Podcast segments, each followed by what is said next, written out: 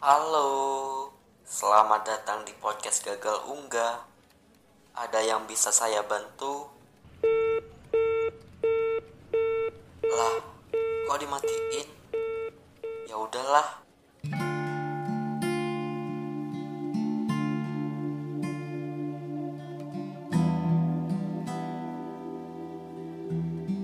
Tahun 2018 Di waktu itu Suatu tempat Meja dan kursi tertata rapi di ruangan itu. Sepertinya tempat umum Tetapi Dia baru saja menyeruput kopinya yang diantarkan seseorang.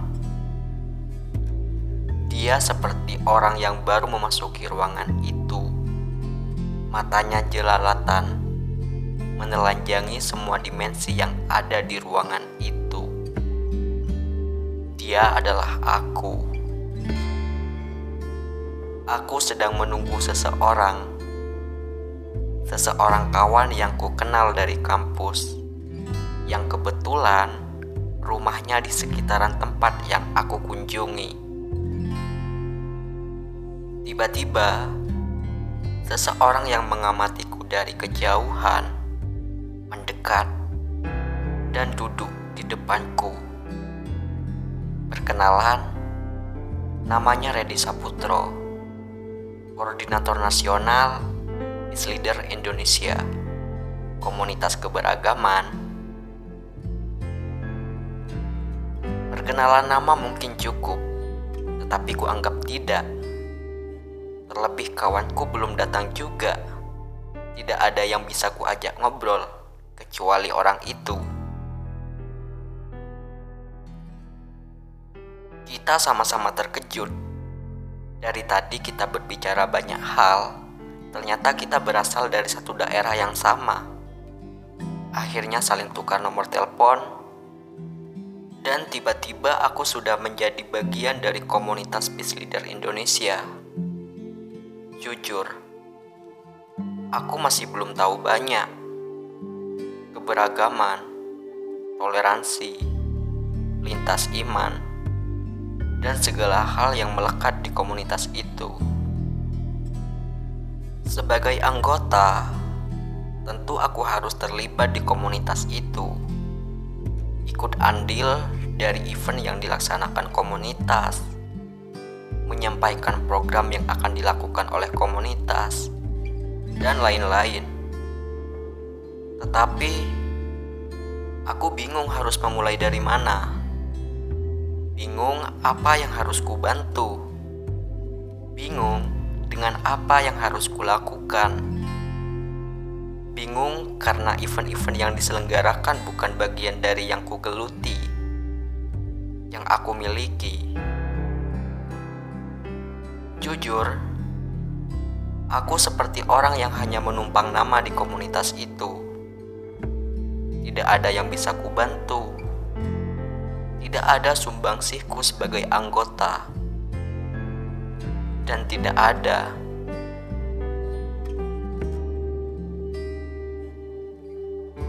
Sehingga sampai pada suatu cerita di tahun 2020 Di bulan Juli Sebuah komunitas yang bernama Kita Bineka Tunggal Ika Melebarkan sayapnya padaku Aku bergabung, tetapi tidak tiba-tiba. Melalui proses seleksi, seperti komunitas teater tempatku berproses di waktu itu. Jujur, di komunitas ini aku tidak dilepas begitu saja. Ibarat ekspedisi alam, kita diberi bekal pengetahuan sebelum benar-benar terjun ke lapangan. Pengetahuan yang diberi pun sangat dekat dan tidak jauh dengan kehidupan kita yang sehari-hari. Sampai pada suatu hari, kita harus membuat proyek perdamaian. Proyek yang itu terserah kita. Yang terpenting sesuai dengan kemampuan dari tim. Dibagi ke dalam beberapa kelompok Secara tidak sadar, aku menikmati proyek yang kujalankan. Tidak ada bingung atau rasa jenuh dalam menjalankan proyek ini. Benar-benar menikmati. Sampai di suatu tempat, di sebuah radio swasta aku membacakan puisi-puisi perdamaian. Ya, aku menyukai puisi aku membaca puisi sebagai perwakilan dari Peace Leader Indonesia yang sebelumnya pernah kubingungkan harus berbuat apa. Tentu hal itu tidak terlepas dari kita Bhinneka Tunggal Ika, komunitas yang memperkenalkan, membuat proyek itu disesuaikan dengan kemampuanmu. Akhir ceritaku, aku menemukan peranku di komunitas Peace Leader dan juga tetap menjalankan proyek perdamaian di Kitab Bhinneka Tunggal Ika. Dan satu hal perubahan yang aku rasakan, aku optimal dalam merespon kebutuhan komunitas. Ketika itu memang bagianku dalam artian itu kemampuanku, maka dengan segera aku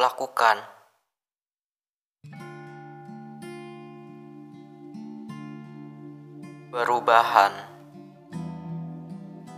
Kita tahu semua yang ada di alam semesta sedang melangkah untuk menunjukkan perubahannya. Termasuk kita.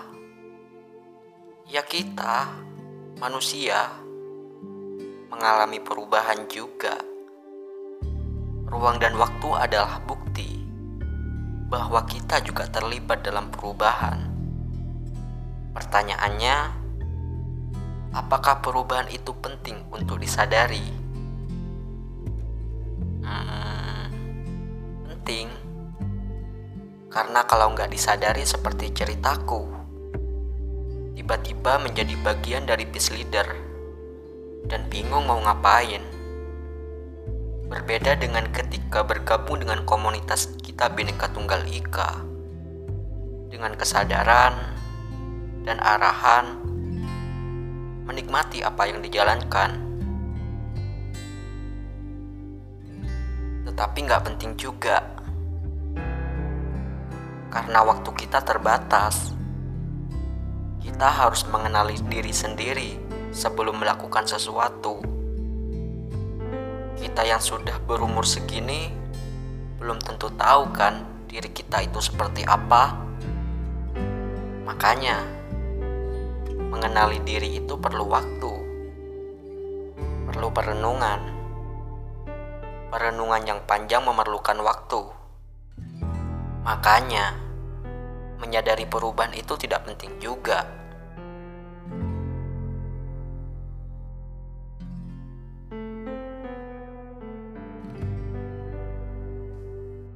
Eh, tunggu. Bukannya dalam perenungan kita membutuhkan kesadaran kesadaran soal posisi kita sekarang yang sedang mengalami perubahan. Iya kan? Gimana kita mau mengenali diri kalau kita belum menyadari posisi kita yang sekarang? Kemampuan kita, kekurangannya, yang sudah dilakukan, yang belum dilakukan. Bagaimana kita bisa mengenali itu kalau tidak merenungi dengan kesadaran? Anggap saja kamu akan melangkah ke timur dengan tujuan ingin tahu di timur ada apa. Maka kamu akan melangkah ke timur kan? Setiap langkahmu tentu ada perubahan dan akan berhenti ketika sudah sampai. Sementara menyadari sudah sampai karena kamu sadar sudah sampai tujuan. Coba selama berjalan sambil melamun tentu tidak menyadari langkahmu sudah sampai di mana. Bahkan ketika sadar kita akan terkejut. Kok sudah sampai di sini? Gitu kan? Kalau begitu, menyadari perubahan itu nggak penting juga.